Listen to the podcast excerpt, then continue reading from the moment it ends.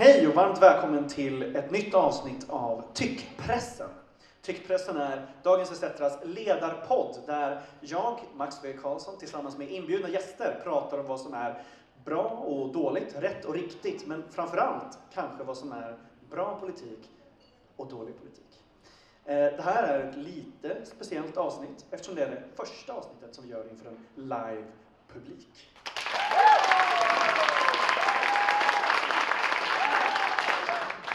Grymt, jättebra. Eh, Mina eh, tidigare utannonserade hemliga gäster, not so hemliga anymore. Eh, ja, det är, det är svårt. Jag skakar på bordet så himla mycket så Veronica spiller sitt vin där. Så det, sånt är livet. Det är inte livet om man inte spiller vin. Eh, med mig här på scenen idag så har jag från ledarsidan och från ETC men också bokaktuell författare Veronica Palm. Varmt välkommen till Tyckpressen igen. Ja, ja, ja. Eh, Jag har med mig skribent och debattör Myra Åbäck Örman. Varmt välkommen tillbaka till Tyckpressen. Och jag har för första gången med eh, Jakob Gomets som är, eh, jag, i, i, i förberedelsen så kallade jag honom expert på massor av olika saker. Eh, du får, jag tycker det stämmer, du kanske inte håller med lika mycket om det, men varmt välkommen till Tyckpressen Jakob. Tack så mycket. Ni var så himla snälla med applåderna, jag gillade det här jättemycket. Okej, så här. Jag gillar Kungliga biblioteket väldigt mycket. Inför det här samtalet så satt jag eh, flera våningar under marken i Humlegården i Stockholm och eh, sökte på en specifik term i deras tidningsdatabas sök. Den termen var Jag vill avskaffa mig själv. Och man fick faktiskt några resultat på det här. Eh, jag ska berätta varför jag sökte på just den här termen, men jag fick några eh, eh, träffar på det här i dagspresssöken. Då. Ordagrant, jag vill avskaffa mig själv. Den första det var en ambassadör och marinkapten som ville avskaffa sig själv som tidig diskrimineringsombudsman på 80-talet. faktiskt. Den, det andra resultatet det var en konstnär som gjorde postporr och alternativ erotik i början av 2000-talet. Som också ville avskaffa sig själv när den alternativa porren skulle bli mainstream. Som den aldrig blev. Ehm, och den sista, det var att jag hittade då mer information om ingen mindre än Moderaternas 08 Kingpin Irene Svenonius. Det är nämligen så här, 2019, för 100 miljarder år sedan, när, eh, året när Jair Bolsonaro först blev vald, när Bojo tog över efter Theresa May, när svenska svetsaren Stefan Löfven blev omvald och pusslade ihop januariavtalet, när Österrike legaliserade samkönade äktenskap och när Brunei gjorde motsatsen och återinförde stening i straffskalan, när eh, Jan, inte Björklund utan Stormen, rev runt i Sverige. När Juan eh, Guaidó eh, utropade sig till Venezuelas rättmätiga president. Hur gick det med det? Eh, eh, och när eh, Julian Assange grips inne på Ecuadors ambassad, när folk grät över att Notre Dame brann, när Per Bolund efterträdde Gustav Fridolin, när Trump besökte Nordkorea som första amerikansk president någonsin, när Greta började sitt skolkande och skolstrejken, när Kristersson, Sabuni och Ebba Busch utreds för mutbrott efter att ha åkt på Mikael Bindefelds bröllop i Tel Aviv, och den 31 december när WHO informeras officiellt om det nya Eh, coronaviruset covid-19. Wow. Eh, det, här året, eh, som känns som att det var för flera hundra miljarder år sedan, skrev i alla fall Irene Svenonius, högst ansvarig för, för vården i Region Stockholm, en jättedålig bok. Och det är den som jag har bland annat vill prata om med mina kära panelgäster här. Min första fråga däremot är en helt annan. Hur var ert 2019? Myra, hur var ditt 2019? Nu när du beskriver det så inser jag ju att det var ett jättepissigt år. Jag kommer ihåg att jag eh, årsskiftet 2019 till 2020 la upp en bild på Instagram som var liksom någon serietidning med någon som sprang ett lopp jättedåligt och så var det så här kom igen 2020, ribban är så jävla låg, det kan inte bli sämre. Eh, och det har ju det har inte åldrats så väl. Eh, kan man säga. Men det, så jag, tror- jag tror med anledning av det att mitt 2019 var fan sådär. Jakob, hur var ditt 2019? Jag skulle säga det började starkt och så blev det bara sämre och sämre och sämre och sämre. Och sämre? Ja. eh, Veronica, hur var det 2019? Ja, men jag hade nog liksom repat mig från att ha varit heltidspolitiker i nästan mitt vuxna, hela mitt vuxna liv. Och, Jag beklagar. ja, nej, men det tog ett par år att liksom bara landa, förstå att det här är... Eh, och och eh, nu när jag tänker efter så tror jag att, jo men så var det, att 2019 på våren så skrev jag en bok som heter Systerskap eh, och som kom ut då som var som jag fortfarande får ganska mycket så här förfrågningar kring att komma och prata om systerskap som idé, systerskap som verktyg och sorry to say, det har inte hänt så mycket på den fronten och det krävs jäkligt mycket för att fortsätta bygga systerskap för att bryta ja, patriarkatet och vi kan ta hela den föreläsningen en annan gång. Men, men för mig personligen så var det alltså sjukt läskigt. Alltså, jag hatade att skriva i skolan. Jag tror att jag skulle ha diagnostiserats som dyslektiker om jag gick i skolan idag. Jag har aldrig tyckt om att skriva, eh, men hade obviously någonting att säga. Så att det blev en bok och sen har det rullat på. Så för mig var faktiskt 2019 rätt bra, måste jag säga. Men det, hatar du att skriva men jobbar med att skriva nu? Är det Ja. något underliggande självskadebeteende eller? Det... Eh, nej, men jag kanske har fått storhetsvansinne, det kan Just vara det. Eller, nej, men jag tror också att det är så. Jag tror att jag, ja, men, nej, men jag har aldrig, jag har väl helt enkelt någonting att säga och eh, när man inte får stå på en scen och prata så får man hitta andra vägar.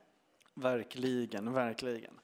Eh, ja, men vad bra. Eh, den 15 november 2019, eh, drygt två månader innan pandemin tog lite mer fart i alla fall, så släppte då Irene Svenonius den 133 sidor långa boken eller pamfletten som heter Jag vill avskaffa mig själv. Den handlar om sjukvårdens största problem och pekar enligt eh, en recension i DN på flera radikala lösningar.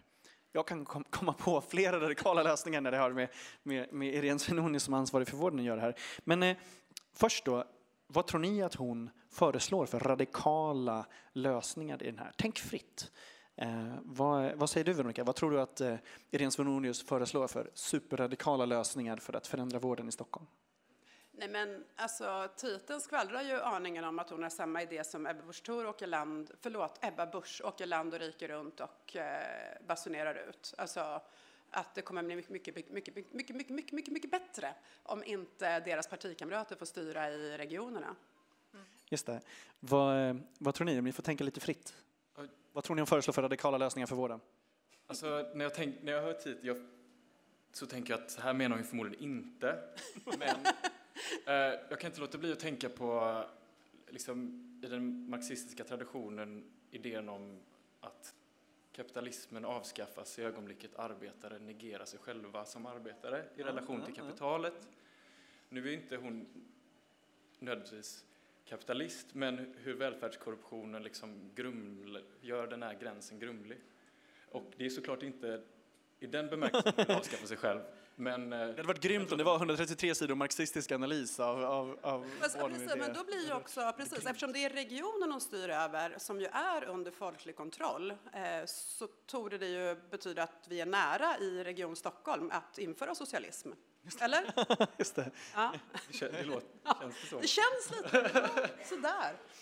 I wish. Eh, Myra, vad tror du att hon, eh, om du får tänka fritt, vad, vad är det för radikala förslag som Svenonius har för vården? Nej, men jag tänker, jag vet inte om, jag kommer inte ihåg vad han heter nu, det finns en författare som har skrivit en massa böcker om att man ska effektivisera sitt liv på olika sätt. Så här, fyra timmars kroppen och fyra timmars här. Och Just väldigt habits som billionaires har och sånt Ja, där. precis. Men det handlar väldigt mycket om ofta att man ska outsourca allt man gör så att man till slut inte behöver jobba. Och jag tänker att hon kanske tänker att om hon kan outsourca sitt politiska arbete till någon sorts callcenter i Indien eller något sånt där, eh, så att hon slipper arbeta själv. Eh, efter- Tillräckligt många gigslavar i vården så löser det sig. Ja, ja, men någonting sånt kan jag tänka mig.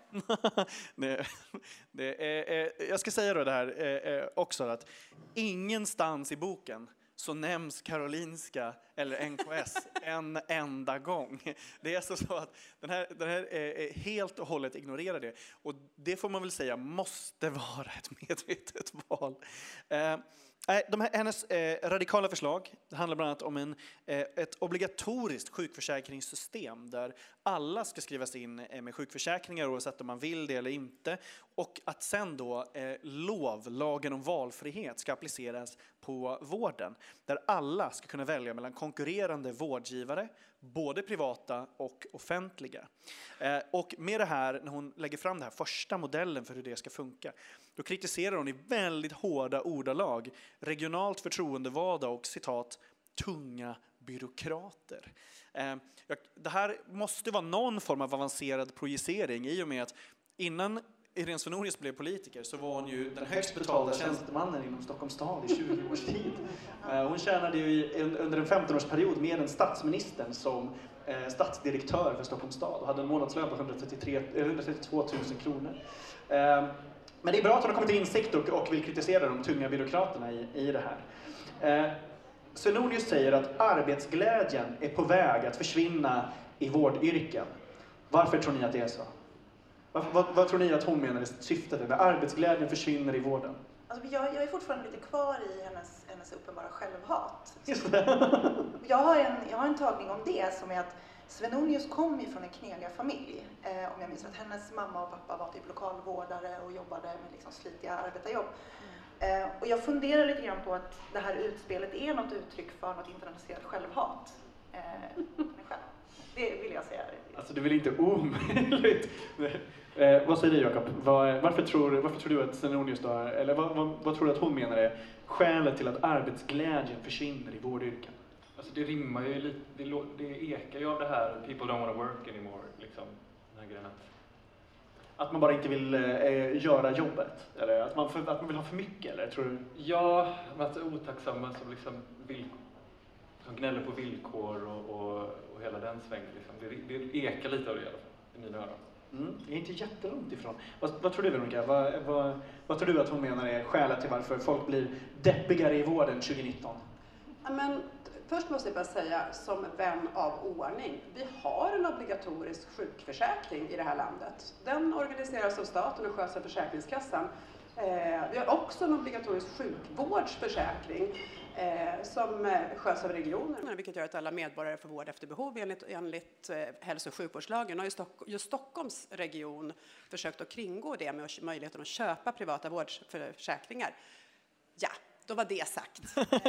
men, men när det är din fråga så är det klart att nej men jag känner ju igen det där. Alltså när jag träffar människor som jobbar i välfärden generellt och kanske i vården i synnerhet efter corona så är det, alltså man har en glädje och kärlek till jobbet men har så usla jävla förlåt, så fruktansvärt usla Man får svära i tyckpressen, det är ingen fara. Ja, det är ingen fara. Säg, jävla, säg jävla villkor, säger ni det? Nu säger jävla, jävla villkor. Man har jävligt dåliga villkor. Eh, kanske inte alla, men åtminstone de som finns som, som Kommunalarbetarförbundet organiserar har, har delade turer, man har inte, tillräckligt, man har inte rätt till eh, arbetskläder, man har för, lit, för få jobbarkompisar framför allt. Eh, och man har ett fruktansvärt slitigt jobb och är den som är den yttersta gränsvakten för, för den generella välfärden. Den som håller någon i handen eh, när den får dödsångest. Den som, som håller på pannan när, när innan, operations, innan narkosen slår in. Alltså den som verkligen är yttersta... Eh, jag blev så jävla jag blir så upprörd. så ja, jag håller med Irene Svenonius. Eh, det är usla villkor i vården. Se till att fixa det då. Eh, och det här handlar ju eh, absolut inte om villkor, eh, eh, utan om några grejer. Då. Irene menar att arbetsglädjen är på väg att försvinna i vårdyrken, framförallt på grund av en byråkratisering och att administrationen ökar. Och det är ju i sig inte fel och så, men hon säger att det är ett ok för personalen att bära att innovation och ny teknik som AI införs för långsamt.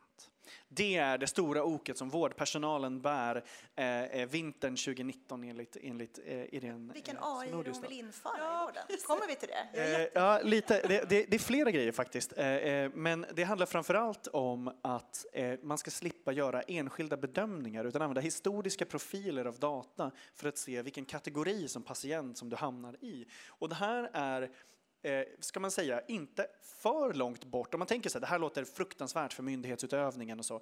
Det är ju alltså samma system som Arbetsförmedlingen har idag med långtidsarbetslösa. Eh, Arbetsförmedlingen idag använder en AI-modell för att klassificera om du är A, B eller C långtidsarbetslös. Eh, men problemet med den är att den liksom inte funkar eh, för att den kan eh, göra så att du hamnar i en C-kategori och då behöver typ åtgärder som att så här, sitta med typ eh, själv, rita självporträtt och få, få hjälp att typ, eh, skriva ett CV eh, bara för att du skriver eh, en viss enskild grej. Alltså, du kan ha jättemycket kompetens och sen så hamnar du ändå fel i de här AI-modellerna. Men så det är en liknande sån modell med statistiska modeller som ska införas där patientdata ska matchas mot historiska profiler. Ungefär. Vi kommer att prata lite mer om den sen för att det är nämligen den här AI som Irene har tänkt ska styra hela vården. Ehm, men, toppen. Men det, det är att ny, problemet är tydligen att ny teknik införs för långsamt. Det är det, det, är det stora problemet. Ehm, och eh, DNs Fredrik Mellgren, eh, inför att den här boken släpps då, eh, frågar Irene Svenonius om den politiska styrningen är en del av de problem som finns i vården idag. Då säger Irene, som är politiker och som precis har skrivit en bok om hur vården ska utformas, att politiker inte ska vara med och ha åsikter om hur vården ska utformas. Men eh, den föreslagna lösningen då, eh, det är att eh, låta professionen styra och besluta mer tillsammans med en ökad patientmakt. Den här eh, patientmakten kallar hon the power of goodbye. Som helt enkelt är att du kan resa på dig och gå till en annan vårdgivare om det är så att du inte gillar den vården du Jag trodde, har. jag trodde de menade att folk dog. Ja,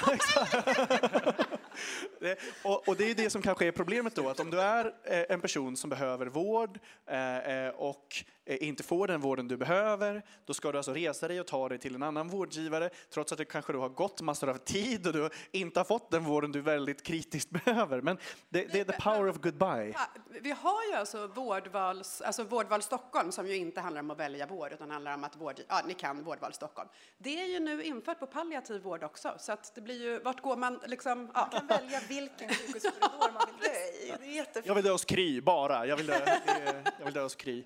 Bara för att de ska behöva hantera mig. Jag ska göra det så jävla jobbigt som möjligt.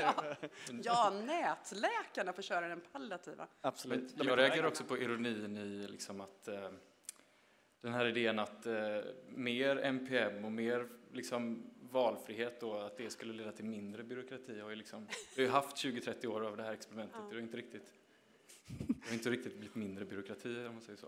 Det är väldigt roligt. Eh, och eh, här också då så menar Irene att nätläkarna, citat, måste vara en viktig pusselbit. Hur tror ni de menar? Hur ska nätläkarna vara en viktig pusselbit i vården, i framtida vården? Men plocka pengar tänker jag. Det är, väl- det är de ju redan inne på så det. Vad- Jakob, vad tycker du om nätläkare? Max. Eh, Som sagt, du får svära i podden. Ja, nej men eh, jag har haft turen och inte ha, själv haft särskilt mycket liksom, kontakt med vården de senaste åren, vilket jag är jävligt glad för såklart. Men eh, alltså jag tycker det är, jag är bara, jag vet inte vad jag ska säga, jag tycker att det, jag tycker att det är en skam liksom att vi har det här systemet. Jag tycker att det är ovärdigt ett så rikt land, att vi bara sluss, bara skjutsar pengar ut till, till några få fickor liksom. Det är ju det de är, nätläkare. Men det gör det ju också väldigt svårt för en som vårdtagare att liksom fatta, alltså när jag går in, jag bor i södra Stockholm, när jag så här ska beställa en tid på min vårdcentral, vilket jag också gör ganska sällan för jag är en frisk vuxen människa, men så går jag, knappar jag in och så kollar jag och då flashar det upp så här, eftersom jag bor i Stockholm, eh, det finns ju, om jag minns rätt så är det så att från Södersjukhuset till eh, handeln så finns det inga offentligt driftade vårdcentraler utan det är privata utförare. Så går jag in och så flashar det upp så här Cap- Capio Högdalen, välkommen hit. Eh, och sen flashar det upp en till som säger vill du besöka, alltså utan att jag, och då är inte jag helt boomer liksom, inte helt huvudet. Men utan att jag fattar så har jag gått in på Capio vårdcentral, Capios egen nätläkare när jag har sökt Högdalens vårdcentral på internet. Eh, och blir en del av dem som slussar. Ja, ni fattar. Så det är ju ett, en, alltså, listigt. Capio ska bygga Norden, nej, vänta, Europas största vårdcentral i det nya eh, slakthusområdet i nya Söderstaden. Eh, de har köpt upp eh, hela utrymmet ovanför Donken i Globen. Eh, och eh, i, i ett eh, liksom, högvåningshus där så ska de göra Europas största vårdcentral. Eh, tror, ja, vad, vad tycker du om nätläkare Mira? Nej, men jag, jag tänker att det är jättebra med nätläkare för att det blir mycket lättare att smyga in de här AI-grejerna. Ja, ja, Man tänker lite visionärt här. Mm, mm, mm. Eh, För de Please behöver do. egentligen bara klara Turing-testet. Så att du kan egentligen bara byta ut dem successivt mot olika typer av chattbottar.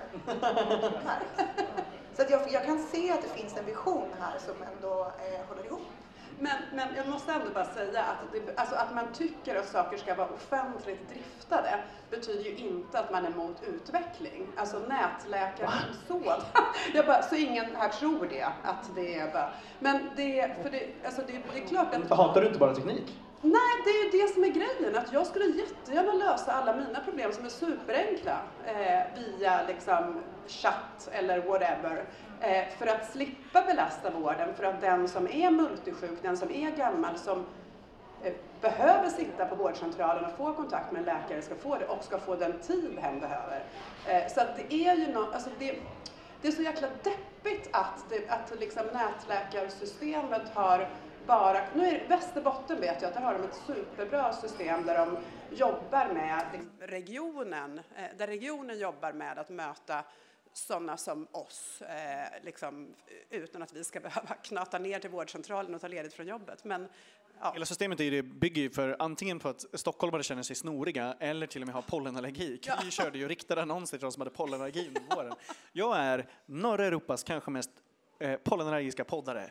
Eh, men, men jag skulle aldrig i mitt liv söka Kry för liksom en pollenallergi eller något sånt. Eh, när man vet att det då betyder att det andra skulle få mindre. Uppenbarligen är det många som ändå gör det här. De tycker att det är lätt och enkelt och kanske lite glättigt också. Att det, det, Men det är ju ett stort misslyckande som du säger att det inte finns lika bra nätbaserade, appbaserade Ja. tjänster för Absolut. den regionala vården. Absolut. För i din Max journal så måste det ju finnas liksom så här, han är sjukt allergisk. Så du borde ju bara med tre klick och en, ett bank-id kunna få ett recept. Jag Liksom. håller med. Jag håller verkligen med. Ge mig alla tabletter som gör mig mindre snorig. Jag är så här, pollenallergisk från februari till typ oktober också. Ja. Så att det är en, en sån rolig människa. Det finns ett jättegammalt skämt där. Hur vet man att någon är pollenallergiker? De säger det hela tiden.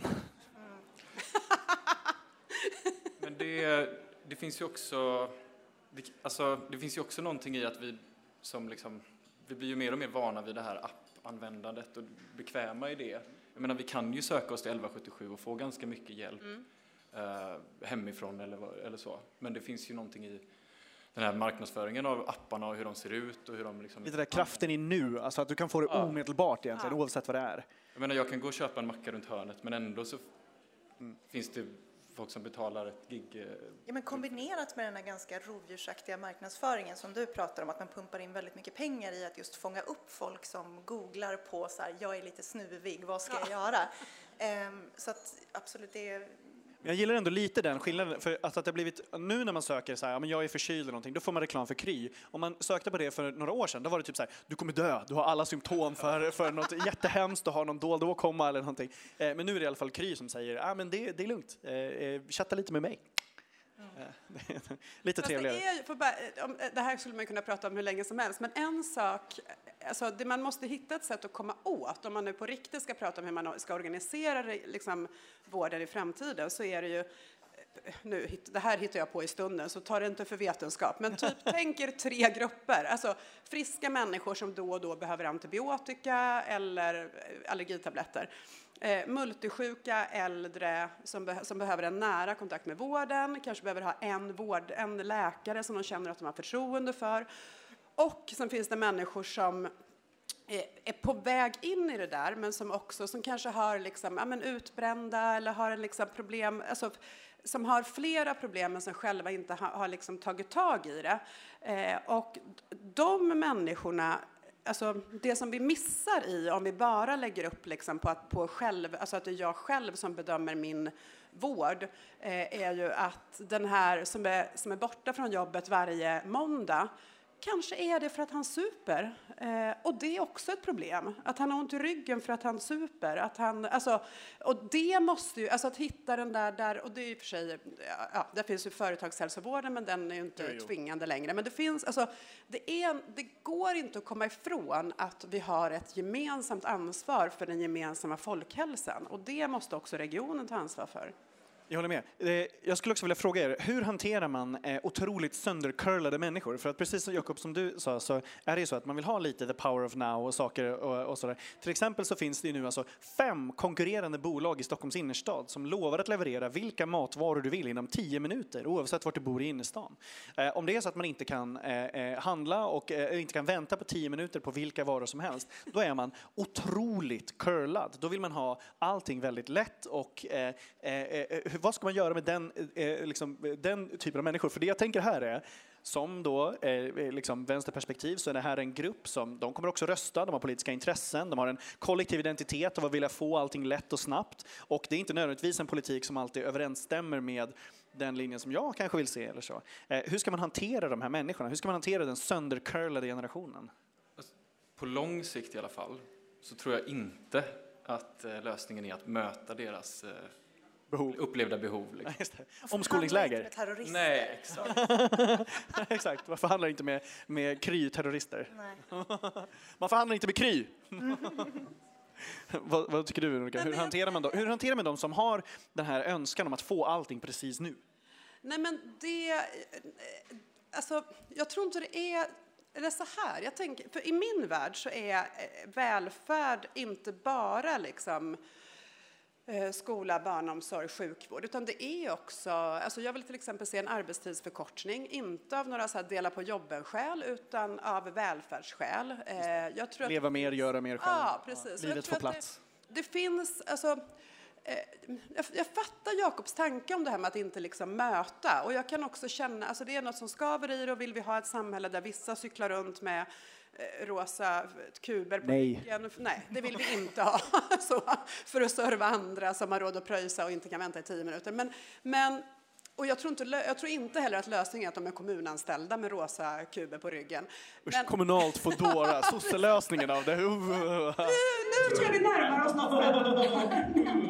Men jag tänker ändå att det finns en, alltså, finns, alltså det är ju så som barnomsorgen, när den byggdes upp så var ju inte det eh, Alltså då fanns det ju ingen pedagogisk förskola, utan det var ju att möta ett behov av människor som, som var jäkligt stressade, som inte fick ihop det, där farmor inte hade slutat jobba än för att hon var, alltså, man, kvinnor som jobbade deltid och slog knut på sig och så hittar man liksom ett sätt att möta det behovet av service som tidigare var privat och som nu är offentlig. Eh, Jag menar inte att få hem mat på tio minuter är samma sak som barnomsorg. Men det finns, alltså jag tror... Hem barn på tio minuter. Ja, skulle jag köpa en tjänst när jag hade småbarn så skulle det varit att leverera hem dem från förskolan. För fasiken vad jobbigt det är. Men, men eh, det, alltså jag tror det finns en tanke i att liksom börja så här, vad är det här alltså nysta i? Vad är det där det finns en privat marknad som möter ett behov som det offentliga skulle kunna göra mer effektivt och bättre och rättvisare? Men det tror jag du är vad är livskvalitet i det? Typ? Ja, och vad gör... Ja, men det, det tror jag du har såklart helt rätt i. alltså, Det en, enkla, kanske svåra svaret egentligen snarare än att vi ska inte möta deras liksom, impuls, Nej. behov, hade väl kanske snarare varit att bygga starka institutioner, välfärdsinstitutioner som faktiskt levererar den samhällsservice som medborgarna har. Som du, du pratade om innan om eh, eh multisjuka som möter en vårdapparat där de blir slussade mellan olika eh, läkare och eller liksom avdelningar som inte kommunicerar med varandra och det finns liksom ingen helhetsbild och sådär.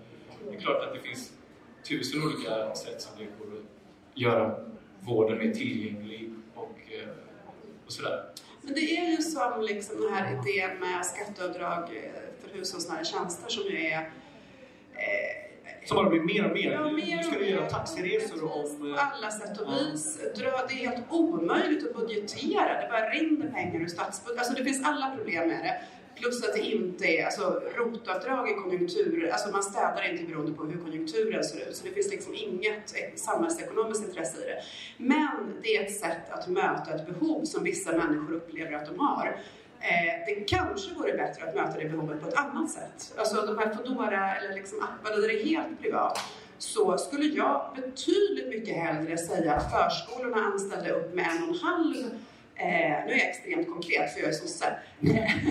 Han ställde upp med en och en halv kokerska i köket istället. Och så fick man på morgonen kryssa för om man ville ha med sig middag hem. Och så fick man pröjsa 15 spänn för en middags... Alltså, för att kunna, om, om det nu är livspusslet som är problemet så tror jag att den som, den som har taskigt med pengar och eh, försöker få livet att gå ihop eh, när man hämtar på förskolan har större behov än den som klockan tre på natten kommer på att man vill ha en Foodora-beställning. Eh, jag skulle också vilja fråga er då. eh, Eh, eh, det är ju så att eh, eh, Irene i den här eh, boken inte på något sätt då nämner Karolinska, som jag sa, inte med ett ord eh, och inte NKS eh, och absolut ingenting om då det egna politiska ansvaret och sådär. Ehm, och, och, och jag tycker det är kul och när jag skickade det här mejlet till er om att ni ville vara med, då skickade jag en liten undertitel som heter Om du springer fort och skrattar högt så ser ingen att du gråter. Och, det, och, den, och den undertiteln, den, den betyder alltså att saker kan ju vara så jävla jobbiga, men det är lite lättare att skratta åt det. Alltså att det är så absurt, men det är lite lättare att skratta åt att Irene Svenorius har gjort en bok som heter Jag vill avskaffa mig själv, än att liksom bara gråta över att det är så jävla illa. Eh, så att, eh, men jag, det är min grej på det. Jag skulle vilja fråga er en, en eh, lite allmän fråga. Så här. Eh, ska man skratta eller gråta? Eh, och då menar jag inte bara vården, då menar jag liksom, eh, ja, politiken i sig kanske. Myra, ska man skratta eller gråta?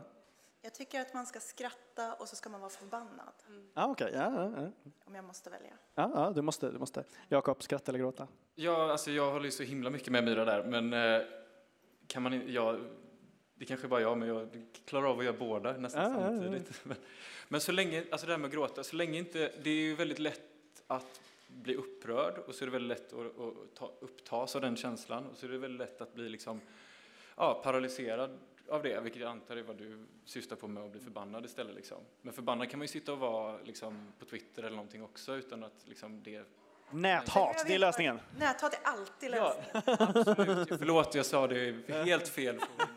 Jag menar inte att det är nödvändigtvis är dåligt Jag skrivit, jag har heller. faktiskt skrivit en text om det här, att eh, man ska bli gladare genom att näthata och skratta åt högen på Twitter. Ja, ja, ja. Eh, Så jag, jag står bakom den här idén till 100 procent. Jag är ju själv eh, en, har liksom experimenterat lite med näthat. Ah, ja. Jakob har också blivit näthatad. Eh, det är nämligen så, nej, eh, ni kommer säkert, lyssnare vet jag har koll på det här och livepubliken har säkert koll på det här också. Att, eh, vi gjorde ju en granskning som heter Folkets bad när vi bland annat gjorde kanonkulan från en helikopterplatta i Täby. Eh, och eh, Jakob var bland annat en av de som var med och badade där. Eh, det var toppen och då blev det väldigt viralt på nätet och så. Eh, och då var det flera som, dels så fick du jättemycket kommentarer att du var så här snygg och, och från Göteborg, att folk var så här, ah, shit vad gött, typ. eh, vem är det där, jobbar de på ett, C typ. Eh, eh, och, eh, men, men sen också typ några som var så här, eh, hur vågar de eh, desecrera den här privata helikopterplattan i, i Täby? Hur vågar de? How very dare you? Typ. Eh, väldigt roligt. Ja, du har ju blivit näthatad. Ja, det, Hur känns det? det var nytt för mig, så tack för, att, eh, tack för det. Det lät inte så farligt när du sa det. Nej, Häng med och bada, sa han. Och vad hände sen? exakt. Det var inte så himla farligt. Veronica, ska man skratta eller gråta? Nej, men jag håller med föregående talare, både Myra och Jakob. Alltså det är... Jag, jag, alltså jag, I grunden tror jag att man ska bli förbannad, men man orkar ju inte gå runt och vara arg än så man måste också få skratta lite. Men man får inte bara... Alltså den här, det finns ju något i liksom... Alltså det finns ju... Moderaterna i Stockholmsregion och sjukvården i Stockholmsregion, det finns ju outtömliga möjligheter för satir och humor. Eh, Men det är Amen brother. men det är ju också på riktigt. Alltså det är helt vanliga människor som faktiskt inte får vård i tid. Det är helt vanliga skattebetalare som bara ser sina skattepengar fladdra iväg till eh, New Public Managements Boston-företag, whatever. Liksom. Det, är inte, det är bara... Ja, man måste vara arg, mest arg, men ja, så får man fnissa lite också. Ja, jag tycker det, det låter bra. Jag skrattar. Jag tycker det är kul att skratta och, och Eh, jag skrattar gärna högt och mycket om, om de här grejerna. Så. Mest för att det är så absurt, men jag tror också att det kan, ibland kan vara en lite lättare ingång. Alltså om det är så att man ska prata om de här grejerna, eh, eh, om du är fly förbannad och pratar med någon eh, som, som du inte ens känner om det här, eh, någon som du inte träffar med det här, då är det mycket svårare att liksom få med dem på tåget om du är liksom aslack. De kommer säga, vad är det här för tomte liksom som är arg över, över någonting som jag inte riktigt har, har koll på. Men att skratta är, liksom, det är lite lättare för att få någon att ta åtminstone ett steg närmare till det som du egentligen vill prata om. Eh, det tycker jag liksom, eh, eh, funkar. Och, och här tycker jag, alltså, Irene Svenonius gör ju faktiskt här i sin bok att jag skrattar ju så himla mycket om den, att jag vill läsa lite mer om det. Jag är inte bara liksom tokförlamad eller skitlack eh, över, över de grejerna i, eh, i, eh, i boken. Eh, och eh, hon är ju liksom en, en eh, symbol såklart. Så, ja, det handlar lite om henne som person. Ja, det gör faktiskt det. Det, det gör det. Men, men det handlar ju också om eh, liksom, eh, till exempel de som Dagens Industri kallar de osynliga, som är alla regionpolitiker. Mm. Alltså, Edin Svenonius är ju också någonting som, så unikt som en känd regionpolitiker. Eh, hur många andra kan man säga? Hur många andra liksom regionpolitiker? Filippa Reinfeldt var också det. Ja, men absolut. Alltså, okay. ja, också bra. Så vi har två i Stockholm. grymma. Och det, vilken, vilken dunderduo. Fjäder i hatten, va? Ja, verkligen. verkligen. Man är lite stolt. Oh, härliga dam, gud. Jag bara kom på de grejerna som jag här, inte ska säga om Filippa. jag, ska inte, jag ska inte göra det. Eh, hon är, visste ni att hon är hbtq-talesperson eh, för Moderaterna nu? Mm. Faktiskt. Tillbaka i politiken. jag håller med, jag håller med. Det var grymt. Det var, ja. Eh, eh, men, men Eh, för att vända eh, då är ju att säga liksom så här, om, om det är så att man är skitlack, om man, det är så att man vill skratta lite mer eller känna att man kan göra någonting lite mer kopplat till det här dystopiska över hur vården styrs. Eh, vad är det första som man borde göra om det är så att man känner sig att man är asdeppig och arg idag? Vad är det första man borde göra för att då ta ett steg och kanske inte bara vara det? Myra, vad säger du? Om man är låst och lack, vad ska man göra? Ah, Gud, rösta för det första. Ja. Eh, alltså, det är ju väldigt aktuellt just nu. Men sen tänker jag också att det handlar jättemycket om att det här är bara en sån sak som att Kristdemokraterna på riktigt kan gå ut och också Moderaterna ska säga. Svenonius delar ju faktiskt eh, grejer i, på Instagram bland annat. De, de skyller den dåliga vården specifikt i Region Stockholm på sossarna. Ja. Eh, och proffsdemonstranter, det ska man never forget. När, Nej, när vårdpersonalen demonstrerade mot Irene Svenonius så kallade de proffsdemonstranter mm. utanför mm. eh, landstingshuset. Det var, det var ja. asgrymt. Det var också, jag, var, jag var där och det var i det var småbarnsföräldrar och eh, undersköterskor och barnmorskor som var där. Från ja. De asen, hur vågar de? Nej, men jag tänker så bevisligen så finns det ju en enorm kunskapslucka, liksom, vilka det är som styr vården. Eh, och att det är, jag kommer inte ihåg hur många av landets regioner, det är typ 18 av 20 eller något sånt där, styrs ju av blåa. Mm. Eh, och jag tror inte folk riktigt förstår det där, så en sak man kan göra det är ju bara att prata med folk om det och informera om det. Eh, rent konkret. Verkligen. Det är det också. De lägger sina dimridåer i övrigt. Den, den, alltså det som... Jag kan verkligen inte via Karolinska ut och in, men en av de saker... Kan nog ingen. Alltså helt enkelt, kan du inte en enda människa. Ingen jag kan ändå låtsas att jag... Nej men de här eh, Boston Consulting Group som, som ju skötte in... Alltså det var ju de man flög in från Amerika för att liksom jobba ut hur innehållet skulle se ut. Jag kände såhär, instinktiv emotion när du sa Boston Consulting då kände jag såhär, jag ville säga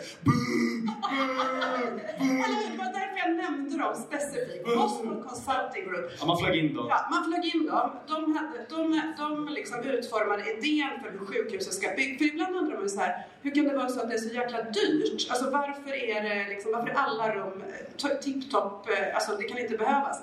Jo, det behövs om syftet med det här stora eh, världens dyraste sjukhus är att kunna sälja, alltså varje rum ska kunna säljas till, eller visas ut till en privat vårdgivare och då måste den innehålla exakt allt. Så därför är det så fruktansvärt dyrt. Eh, och då kallar man det här, Boston Consulting Group döper det i Sverige till värdebaserad vård. Eh, då tänker många så här, det vill, jag vill ha värdebaserad vård, eller hur? Det låter ju superbra. Det handlar ju inte om värde alltså för människor, utan det handlar ju om, om värde i ekonomiska termer, alltså resultaträkning. Vilket värde finns det för den enskilda utövaren, eh, alltså ibland regional men oftast privat. Problemet är att det låter fortfarande för coolt. Det låter som cash money vård. Jag vill ha, jag vill ha värdebaserad vård. Eh, alltså kommer jag till vården så vill jag ha värde i min vård och jag vet att det ska vara det den ska vara baserad på. Det är ju inte det som Region Stockholms värdebaserade vård handlar om, utan det handlar om hur ska du kunna få bästa resultat i bokslutet för varje enskild utförare som då ska kunna lisa varje enskilt rum på världens dyraste sjukhus. Förlåt, lång story, men det är ju, alltså för att komma tillbaka lite till som Myra säger, det är ju så här, det är dimridåer hela tiden som gör att, att liksom, om man inte vet riktigt vad det handlar om, den där blå lappen, vad ska jag använda den till? Eh, jag brukar säga rösta på sossarna, det duger gott. Eh, eller så, men, eller, ja, men ni fattar. Det är inte så att, att det är verkligen en liten, eh, alltså, då, då är ju alltså, dimridåer av typen värdebaserad vård eller vårdval, det låter väl också bra? Alltså, jag är missnöjd med min läkare, så jag går till någon annan. Det är inte det det handlar om. Jag gillar inte, alltså jag gillar inte det ordet. Jag, jag vet att vissa säger det, så här, ja men det låter väl fint med liksom, eh, valen eller vårdvalen. Så här. Jag tycker inte det. Jag är så, här, välj åt mig. Alltså jag, är så jag, jag vet inte om, Jag om är det är unikt. på Det. kosmoslinjen att jag måste stoppa valfriheten. Absolut, Fast absolut. det är alltså inte när du bor i, om jag, om jag är, alltså jag, det, jag fatt, om du har en, om du är, om du har behov av att ha en kontakt med en enskild läkare, då ska du ha rätt till den kontakten, du ska ha tid, inte de här 20 minuters slottarna som man fakturerar, eller 10 minuters beroende på vad jag skriver in mig som. Men jag har inte det behovet. Jag, alltså är det så att jag bara shit, jag behöver preventivmedel, helvete, igen har jag missat den tiden.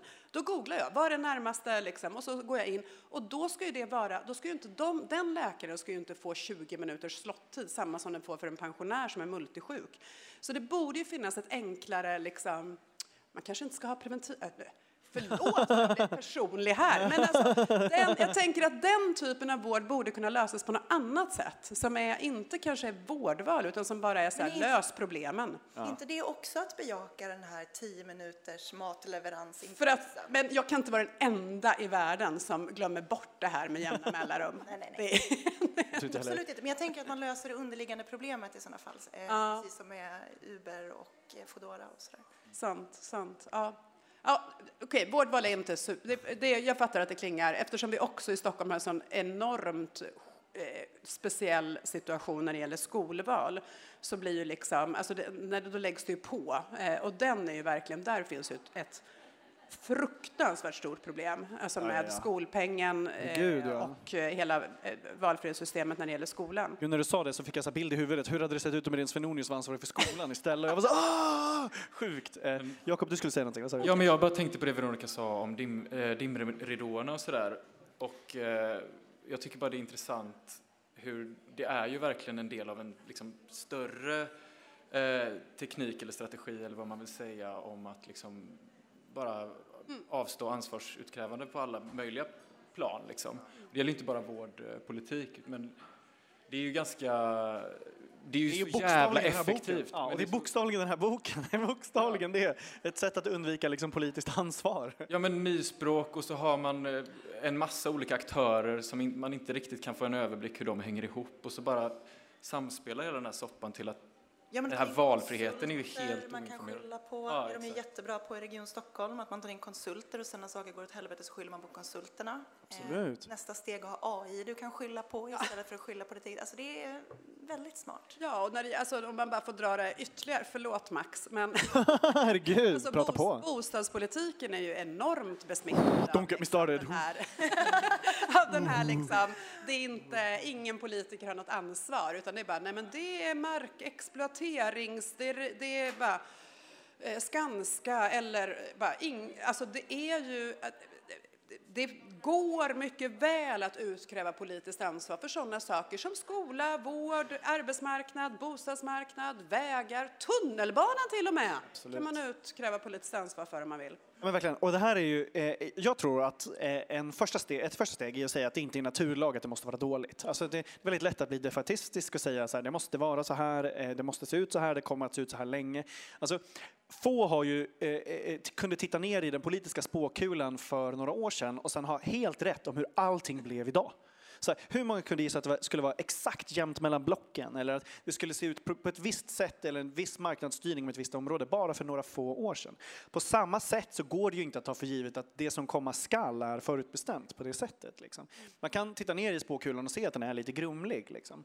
Eh, det, det är hoppfullt för mig eftersom det är så här, skapat av människor kan, kan tas tillbaka av människor-grejen. Liksom. Sen är mitt tips, eh, som jag ska säga innan vi börjar runda av också, som jag vill höra vad ni tycker om också. Mitt tips är lite samma som när man ska vara på nätet överhuvudtaget. När, när det är så att man känner sig låst och lack över till exempel vården. Och det är, gå med i ett gäng. Eh, jag, jag säger att eh, det, man, det bästa man kan göra är att göra saker tillsammans med andra. Eh, och gör ett gäng. Om det inte finns gäng som du kan gå med i så kan du skapa ett själv där du kan ha kompisar som kan gå med i det här gänget. Det är väldigt härligt att ha bubblor och gäng och den typen av liksom, stärkande grejer. För att om det är så att du bara tror att du måste agera i, den, i det här systemet eller i liksom den här kedjan enbart som individ hela tiden, då kommer du för första känna att allting är för stort. Sen kommer du känna dig vilse precis hela tiden. Det kommer liksom kännas som att du står mitt på golvet och bara snurrar runt och säger vad fan ska jag göra? Jag vill göra någonting med klimatet och vården och skolan och bla bla bla. Eh, och, och det känns omöjligt att ta tag i någon av de grejerna. Eh, men när du gör någonting med andra, nästan oberoende av vad det är, så får du någon form av riktning. Eh, jag tycker att det liksom är, är, är svinskönt. Eh, eh, och sen så är det kul att säga att man, man är med i olika gäng också. Eh, men så vad tycker ni om mitt, mitt eh, tips om man är, känner sig låst och lack att man ska gå med i ett gäng? Tycker ni det låter rimligt? Absolut. Eh, Jag tycker, jag tycker dessutom, jag tycker till och med att man skulle kunna gå med i ett politiskt parti faktiskt. Ah, okay. Eh, och det är inte så att man då behöver känna att åh, jag håller med om exakt varenda detalj i det här partiprogrammet. För det gör ingen. Eh, men det gör ju också att man blir en del av något större. Eh, Jo, alltså Mikael Damberg är säker på att hålla med om allting i sossarnas program. kan nog leta upp en del. Jag kan leta upp en del, jag lovar det. det finns. Annars känns han som den som Nej, skulle kunna hålla med om precis alltså, allt. för det är ju också, nu, oavsett om man väljer att gå med i ett politiskt parti eller i en liksom större förening eller bara endast i ett gäng, inte bara, absolut inte bara, eh, så är ju, det har ju ytterligare en faktor och det är att man kan liksom klappa sig på axeln lite och känna att nu gör jag det här. Eh, alltså, ja, det är bara eh, jätte, jättemycket som behöver göras i världen. Det är bara talibanerna tar över i Afghanistan och allt därifrån. Liksom. Men jag gör min grej. Jag ser till att liksom vara yrkesdemonstrant mot Svenonius. Ja, exakt. Det är så jävla grymt. Alltså, jag håller såklart med fullt ut. Jag tror att i, eh, ja, men i den här atomiserade liksom, tillvaron som vi lever i, i, eh, ja, i senkapitalism eller vad man vill När kalla du bara det. glider med, när du känner att allting Ja. bara händer dig och du är inte med om något. Men jag tror att vi på något plan är oförmögna att handskas med det som individer faktiskt. Och jag tror att jag skulle gå så långt som att säga att på något, det blir lite flummigt, men att vi inte, Kör. inte hela utan eh, någon form av gemenskap heller. Och eh, vill man inte gå med i ett politiskt parti, men vill vara politisk, finns det ju förbund och föreningar och lokala eh, projekt och grejer man kan hoppa på också, som inte behöver innebära Ja, vad det, nu- om det känns belastat. med. Verkligen. Eller Discord-kanaler som du, Mira. Du har ju skapat ett gäng. Ja, precis. Det är mitt gäng. Nättanta-gäng. Nej, men jag, jag skulle vilja knyta ihop det också med det vi pratade om med hur man motverkar curlingsamhället. Att jag tror att en stor del i curlingsamhället är ju bristen på någon form av solidaritet och eh, liksom att man känner att man är en del av samhället med de, liksom, de fördelar och nackdelar det kommer med. Just det, du ser inte de här band, osynliga banden mellan dig och andra människor. Exakt, och jag tror att en del i att motverka det är just att vi behöver organisera oss mer på massa olika sätt. För att det är en, en kulturförändring som har skett där vi är mer isolerade och mer själviska. Och jag tror att, att bilda gäng är ett jättebra sätt att börja känna sig solidarisk, även om det är i sin egen hyresrättsförening eller om det är i jag vet inte, bostadsrättsföreningen. Herregud, det finns aldrig folk som gör den skiten heller. Nej, men hitta någonting där du känner att du kan göra konkret skillnad för människor runt dig. Ehm, så kanske vi kan liksom långsamt bygga en bättre kultur inifrån. Det finns en jätterolig så här, eh, meme om eh, eh, där det är ett staket eh, och så är det liksom en det är jättesolig värld på ena sidan och så är det så här, uttorkat landskap på andra sidan. Så här. Och så på den här soliga sidan så står det så här, eh, den, den eh, otroligt sköna framtiden av den eh, sanna och fulla eh, socialismen så här, står på ena sidan. Eh, och sen så står det i staketet så står det bara så här eh, att det är jobbigt att prata med folk. Att det är det som är liksom hindret. Eh, att det är det som hindrar folk då från, från att göra det. Att, att man, liksom, man tycker att det är lite jobbigt att prata med människor om det. Eh, så att det, det kanske är det som står, står i vägen eh, också. Men jag tror det är superklart. Alltså jag blir, bara, både Myra och Jakob sätter ju liksom fingret på någonting ännu större. Nu är det ett... Alltså, En vecka kvar till valet. Det kan, alltså vi kan ha ett neofascistiskt parti som marscherar in i regeringskansliet. Det är lite deppigt, minst sagt. Så det finns ju en del liksom, så här, väldigt stora frågor att hantera. Men jag tycker verkligen ni sätter fingret på att det också handlar om mig som individ, om min identitet. Vem är jag om jag inte är en del i ett socialt sammanhang, om jag inte möter andra människor, om jag inte, ja, men som jag skulle säga, deltar i kampen. Men det kan också handla om om jag inte är revisor i bostadsrättsföreningen.